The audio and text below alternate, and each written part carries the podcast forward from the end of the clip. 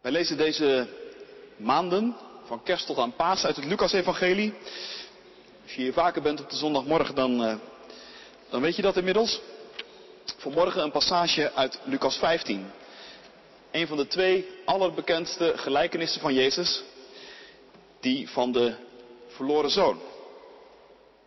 Lucas 15, we lezen vers 11 tot en met 32. Vervolgens zei Jezus, iemand had twee zonen. De jongste van hen zei tegen zijn vader, Vader, geef mij het deel van uw bezit waar ik recht op heb.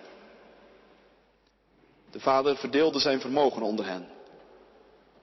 Na enkele dagen verzilverde de jongste zoon zijn bezit en reisde af naar een ver land waar hij een verkwistig leven leidde en zijn vermogen verkwiste. Toen hij alles had uitgegeven, werd dat land getroffen door een zware hongersnood en begon hij gebrek te lijden. Hij vroeg om werk bij een van de inwoners van dat land, die hem op het veld zijn varkens liet hoeden.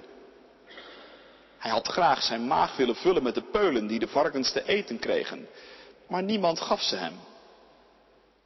Toen kwam hij tot zichzelf en dacht, de dagloners van mijn vader hebben eten in overvloed en ik kom hier om van de honger. Ik zal naar mijn vader gaan en tegen hem zeggen, Vader, ik heb gezondigd tegen de hemel en tegen u. Ik ben het niet meer waard om uw zoon genoemd te worden. Behandel mij als een van uw dagloners. Hij vertrok meteen en ging op weg naar zijn vader. Zijn vader zag hem in de verte al aankomen. En hij kreeg medelijden en rende op zijn zoon af, viel hem om de hals en kuste hem. Vader, zei zijn zoon tegen hem, ik heb gezondigd tegen de hemel en tegen u. Ik ben het niet meer waard om uw zoon genoemd te worden. Maar de vader zei tegen zijn knechten, haal vlug het mooiste gewaad en trek het hem aan. Doe hem een ring aan zijn vinger en geef hem sandalen. Breng het gemeste kalf en slacht het. Laten we eten en feest vieren. Want deze zoon van mij was dood en is weer tot leven gekomen. Hij was verloren maar is teruggevonden. En ze begonnen feest te vieren. De oudste zoon was op het veld. Toen hij naar huis ging en al dichtbij was, hoorde hij muziek en gedans. En hij riep een van de knechten bij zich en vroeg wat dit te betekenen had. De knecht zei tegen hem, je broer is thuisgekomen en je vader heeft het gemeste kalf geslacht, omdat hij hem gezond en wel heeft teruggekregen. Maar hij werd woedend en wilde niet naar binnen gaan. Maar zijn vader kwam naar buiten en probeerde hem te bedaren. Hij zei tegen zijn vader, al jarenlang werk ik voor u en nooit ben ik u ongehoorzaam geweest als u mij iets opdroeg. En u hebt mij zelfs nooit een geitenbokje gegeven om met mijn vrienden feest te vieren. Maar nu die zoon van u is thuisgekomen, die uw vermogen heeft gekwanseld aan de hoeren, hebt u voor hem het gemeste kalf geslacht. Zijn vader zei tegen hem, mijn jongen, jij bent altijd bij me en alles wat van mij is, is toch van jou? We konden toch niet anders dan feest vieren en blij zijn, want je broer was dood en is weer tot leven gekomen. Hij was verloren, maar is teruggevonden. Tot zover de lezing van morgen. Dit is het woord van God voor jou, voor u, voor mij.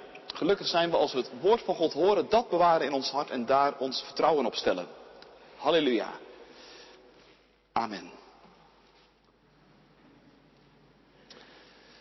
Gemeente van Christus. In Hanoi, de hoofdstad van Vietnam, wonen Hai en Lan.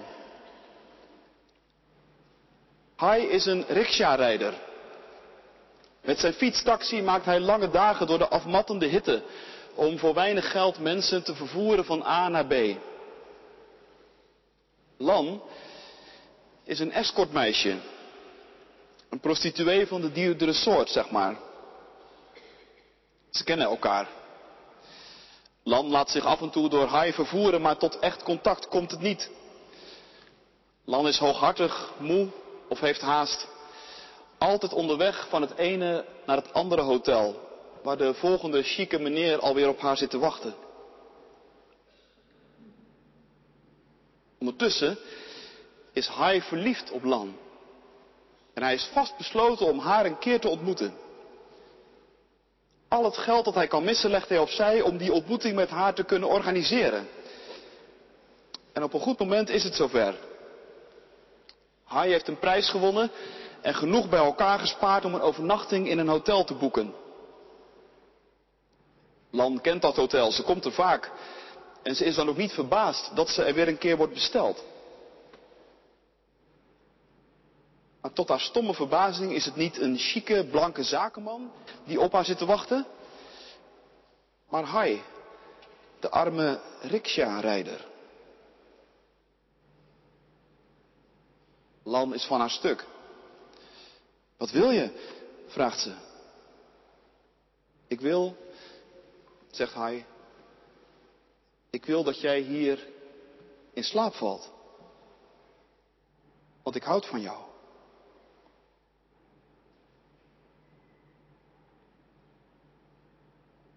Ik vind het een van de meest ontroerende scènes uit de film Three Seasons.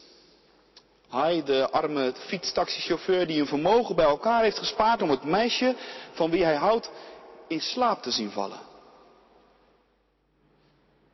Maar, pijnlijk moment, ze gelooft hem niet. Door haar ervaring met die talloze mannen die haar inhuren voor een avondje plat genot, is ze van binnen helemaal bevroren. Gebrainwashed. Lan kan zich niet voorstellen dat een man iets anders zou willen dan haar gebruiken. En een verandering van denken op dat punt is voor haar te veel gevraagd.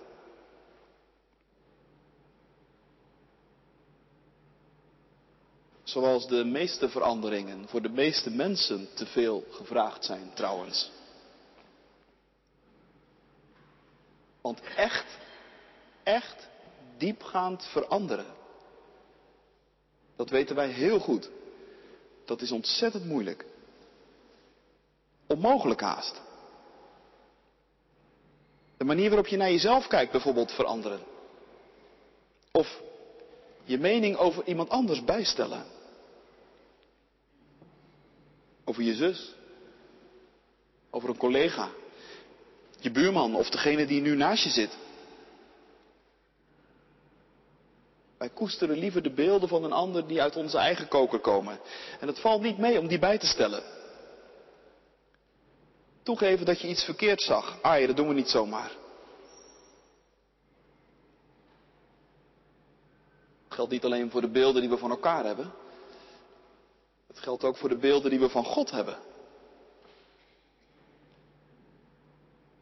Wat je in je eerste jaren zomaar meekrijgt, kan diep vasthaken in je ziel.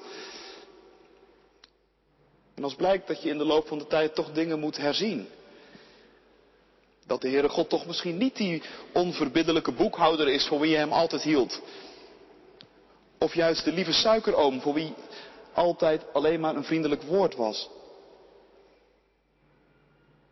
Dat bijstellen, dat kost soms je hele leven. En toch is dat wat Jezus wil in de gelijkenis die wij vanmorgen samen lezen. Deze gelijkenis is bedoeld om ons te veranderen. En niet zomaar een beetje, maar echt heel fundamenteel. Want deze gelijkenis neemt zo ongeveer alles op de schop. Onze kijk op onszelf, onze kijk op de Heere God, onze kijk op de vraag wat goed en kwaad is. Op al die beslissende punten heeft Jezus een fundamentele verandering op het oog. Nou, je kunt je voorstellen, dat gaat moeite opleveren. En dat zien we ook precies gebeuren. Sterker nog, de moeite en de wrijving die begint eigenlijk al voordat Jezus überhaupt begint met spreken. Er zijn fariseeën en schriftgeleerden in de buurt en die mopperen. Ze mopperen omdat Jezus de dingen anders doet dan zij hadden verwacht. Notabene snuiven ze. Hij gaat op, op bezoek bij zondaars en tollenaars en eet met hen. ondenkbaar dat een rabbi die zichzelf een beetje serieus neemt, zoiets zou doen.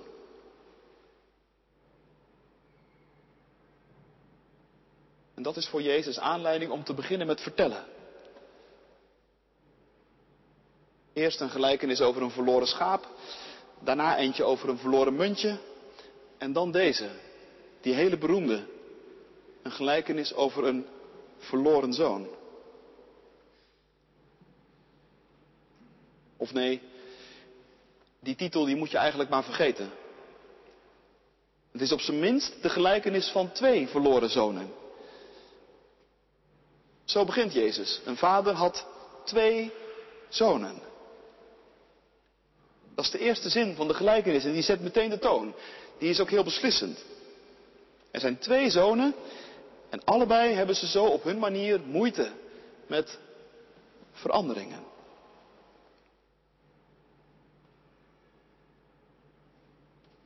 Laten we eerst eens even inzoomen op de jongste. In vers 17, als het verhaal al een heel eind op pad is, staat er over hem een heel opvallend zinnetje. Toen kwam hij bij zichzelf.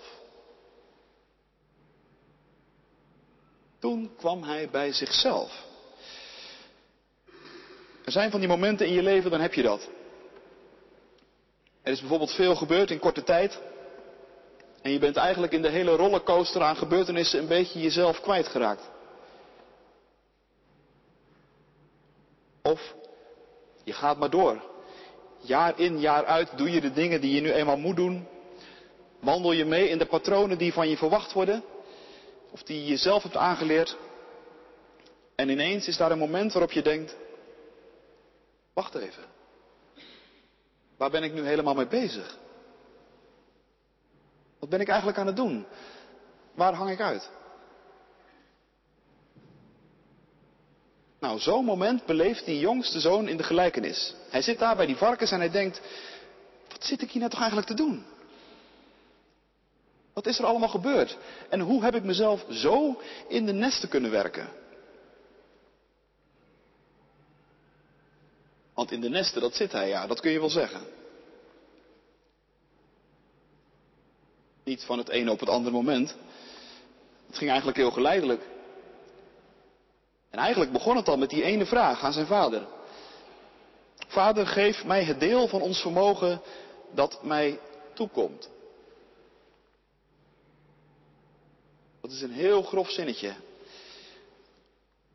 Het betekent eigenlijk zoveel als hier met je geld pa en val dood. Heel veel grofheid in dat ene zinnetje. En dat hij vervolgens die boel meteen verkoopt en er vandoor gaat met het geld, dat slaat helemaal alles. Want daarmee knipt deze jongen zomaar in één klap alle banden met thuis en met de familie door.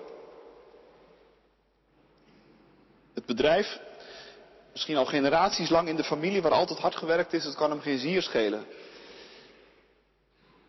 Het enige dat hij wil is weg. Bij die ouwe en met zijn toko om het echte leven te gaan proeven.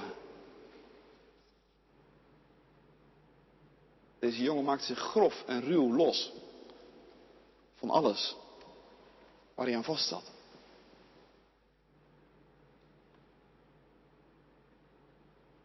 In het buitenland leidt hij een overdadig leven, staat er. Lang leven de lol, het kan niet op. Maar na een poosje is het geld op. En dan is ook de pret over. En hij voelt aan, dit gaat niet langer. Een baantje tussen de varkens helpt ook al niet. Hij krijgt er niet eens al te eten, laat staan een loon.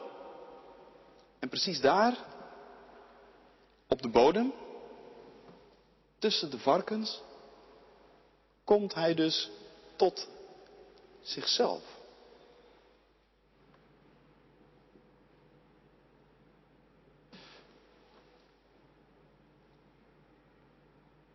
Ooit hoorde ik van een vriendin die psycholoog is dat in haar behandeling dat een heel belangrijk moment is. Ze zei, als iemand geen lijdensdruk ervaart, dat schijnt de vakterm te zijn, dan komt er ook geen verandering. Bij mensen van wie ik merk dat ze geen werkelijk probleem zien, daar heeft de behandeling geen zin. Die stuur ik naar huis.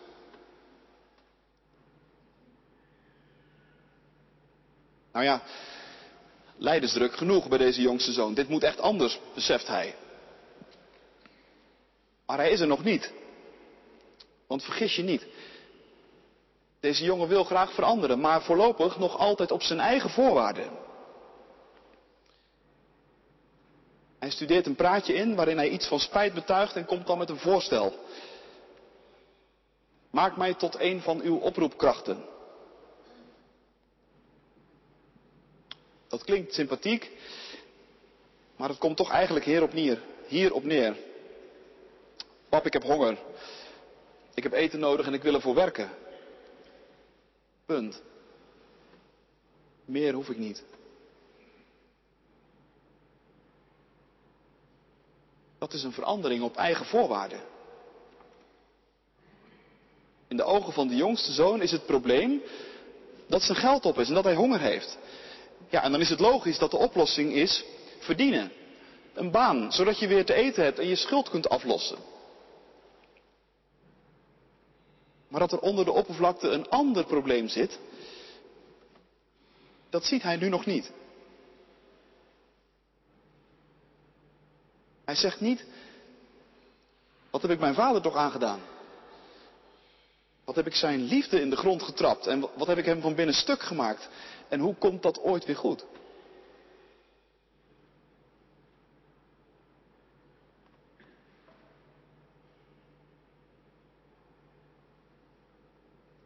Ja, zo kun je dus met God omgaan. Ergens voel je aan dat er wel iets zit. Natuurlijk zeggen we dan tegen elkaar, we maken allemaal fouten. En dat knaagt ook soms wel, daar kun je last van hebben, echt. En daar zou ook iets aan gedaan moeten worden, natuurlijk. Misschien, misschien is het toch mogelijk om er iets tegenover te zetten, richting God. Iets meer bidden, iets vaker naar de kerk gaan, iets meer aan een goed doel geven als een soort vergoeding voor de ontstane schade.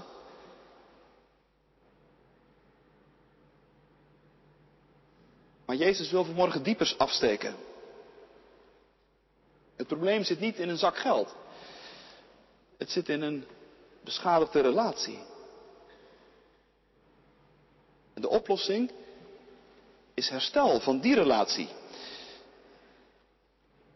En Jezus wil dat wij dat gaan zien vanmorgen. Want anders komt het bij jongste zonen en bij jongste dochters niet tot die echte fundamentele verandering die hij op het oog heeft.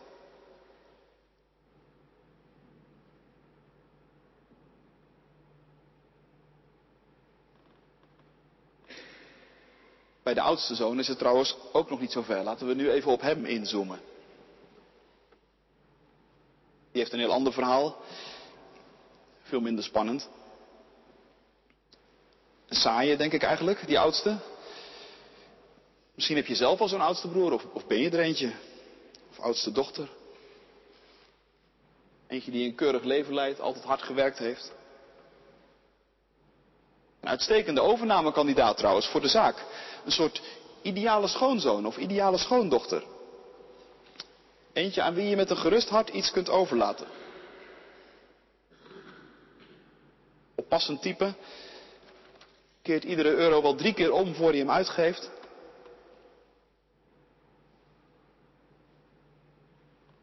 Maar wat is de schok van deze gelijkenis? De schok van deze gelijkenis is dat de verandering voor die oudste broer minstens zo moeilijk is. Of misschien moet je wel zeggen nog veel moeilijker. Kijk maar wat er gebeurt. Na een zoveelste dag van hard werken komt hij thuis. Hé, hey, denkt hij, wat vreemd. Is er een feest? Heb ik iets gemist? Nou inderdaad, bij navraag heeft hij iets gemist, ja. Zijn jongste broer is thuisgekomen en dat is voor zijn vader reden voor groot feest.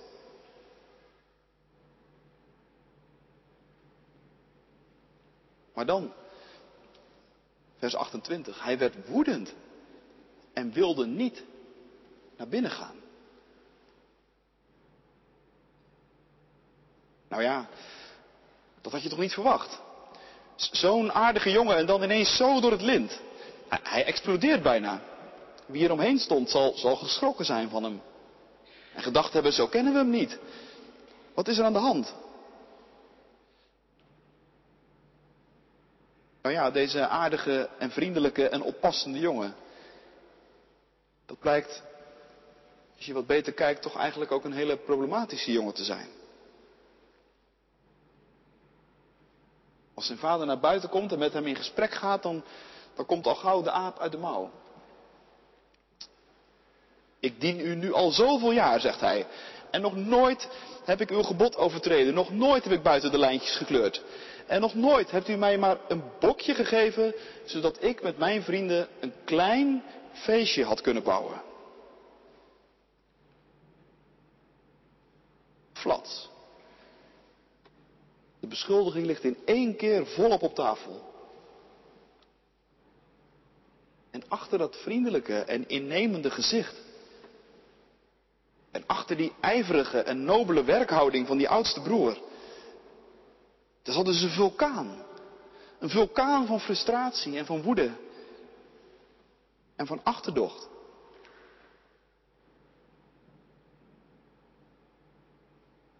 Lees je bij zijn jongste broer nog iets over een zelfbedacht plan om te willen veranderen? Bij deze broer lees je daar niets over. Geen spoor van lijdensdruk. Ja, en als je daar even wat over nadenkt, is het eigenlijk ook wel logisch natuurlijk. Want waarom zou je moeten veranderen als je vindt en denkt dat je gewoon nooit iets fout gedaan hebt? Nooit heb ik uw gebod overtreden, zegt hij. Tja, als dat zo is.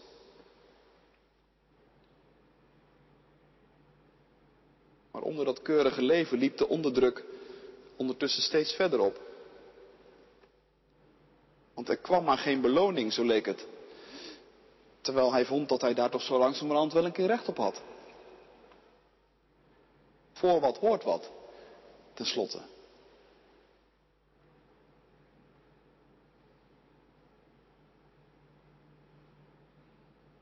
Ook dit is dus een manier waarop je met God kunt omgaan. Ook dit is een manier waarop je kunt geloven. Je kunt geloven volgens het principe ik gehoorzaam en daarom word ik door God aanvaard. Ik ben een gelovig mens, ik vervul trouw mijn religieuze plichten. Ik doe het goed zoals ik het zie en, en zo is het ook goed. En, en dat ziet God natuurlijk ook en daarom zal Hij mij, vul maar in. Maar de vraag is in wie je dan in feite bent geïnteresseerd.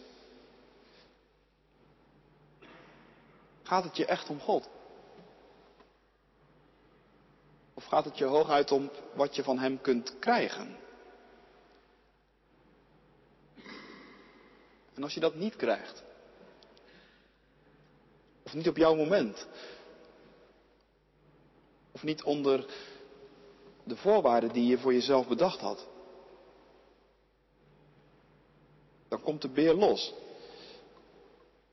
En dan verandert onze lieve, aardige, ijverige persoonlijkheid ineens in een vulkaan van woede.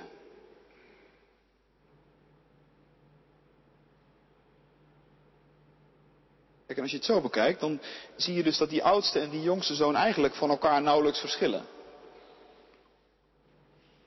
Of je nu meer op de oudste lijkt of meer op de jongste. Als het gaat om een echte fundamentele verandering van binnenuit, geven we geen van allen thuis. En zitten we allemaal vast in de denkpatronen die in ons gesleten zijn. Oudste zonen en dochters misschien nog wel het meest vast. En kunnen we niet voorstellen dat de werkelijkheid toch iets anders in elkaar steekt dan wij dachten.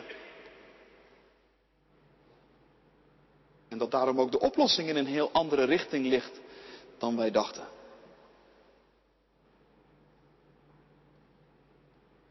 De oplossing is nooit dat we zelf proberen de schade wat te herstellen.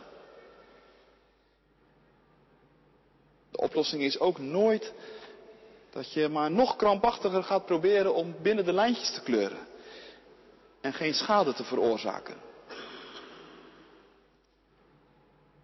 De oplossing, die ligt in deze gelijkenis bij heel iemand anders. Die ligt bij de Vader. De Vader is degene waar we het van moeten hebben. Hij is degene in deze gelijkenis, de enige die werkelijk verandering brengt. En niet zo'n klein beetje ook. Want deze vader, die doet zo ongeveer alles wat een gemiddelde Oosterse vader never en nooit zou doen. Het begint al met het verdelen van het geld. Een gewone, gebruikelijke Oosterse vader zou zijn zoon bij zo'n schandelijk verzoek meteen een klap in zijn gezicht hebben gegeven. Daar jij, schandvlek, hoe durf je? Deze vader doet dat niet. Hij deelt zijn bezit, staat er. Letterlijk, hij deelt zijn leven. En hij draagt de pijn die zijn jongste zoon hem aandoet. En hij verbreekt de band ook nooit. Hij blijft hopen en hij blijft op de uitkijk staan. En als die jongste dan eindelijk terugkomt, dan zie je hem zijn zoon tegemoet sprinten. Ook dat zou een Oosterse vader nooit doen. Oosterse heren rennen niet.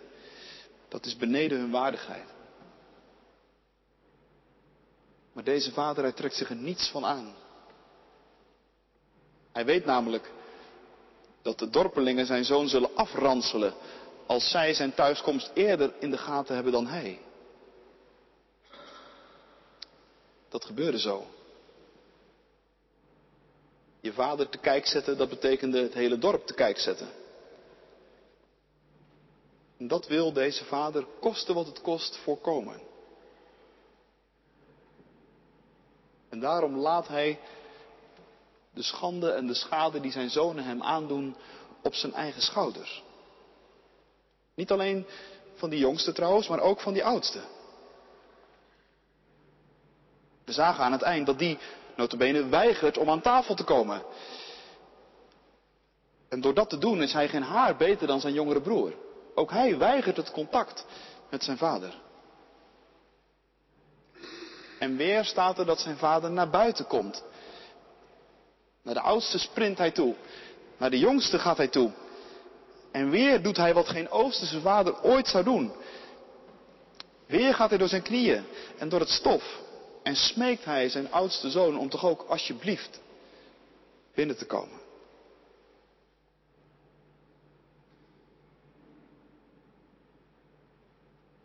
Uit alles wat deze vader doet en zegt, blijkt maar één ding. Zie je dan niet dat ik anders ben? Zie je dan niet dat ik anders ben dan je altijd had gedacht? En zie je dan niet dat er voor jullie allebei een maaltijd klaar staat en dat ik jullie allebei aan tafel wil hebben? En zie je dan niet dat er twee manieren zijn waarop je aan mijn ruimte en aan mijn gulheid en mijn liefde voorbij kunt leven? Niet alleen door een heel slecht leven te leiden, maar juist ook door een heel goed leven te leiden.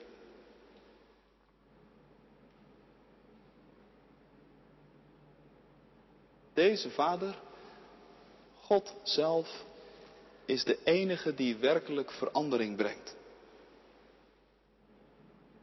In hem brandt een vuur van liefde. Een vuur dat de grootste tegenstellingen overbrugt. Dat de koudste harten verwarmt en de hardste laat smelten.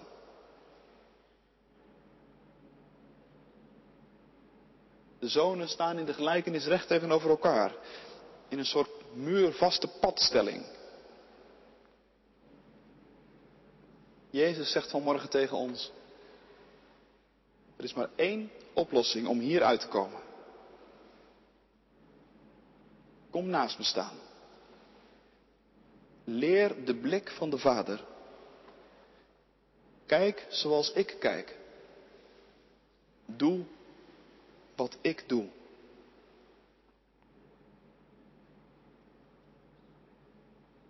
Dat is geloven.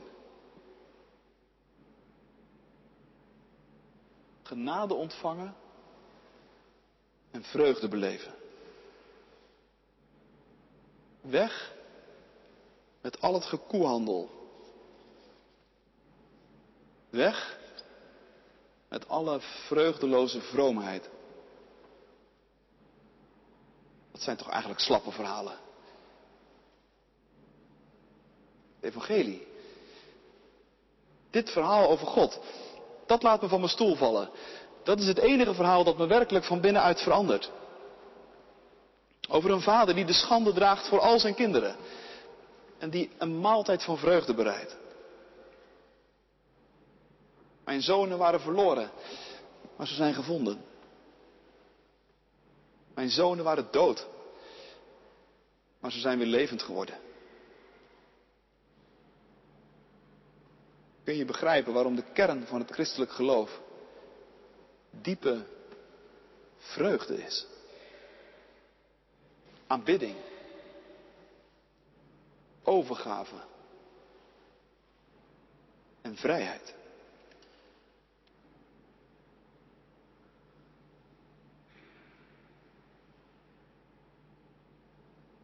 Tot slot.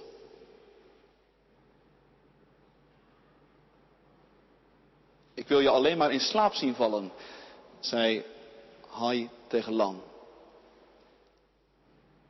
En daar heb ik alles voor over, want ik houd van jou.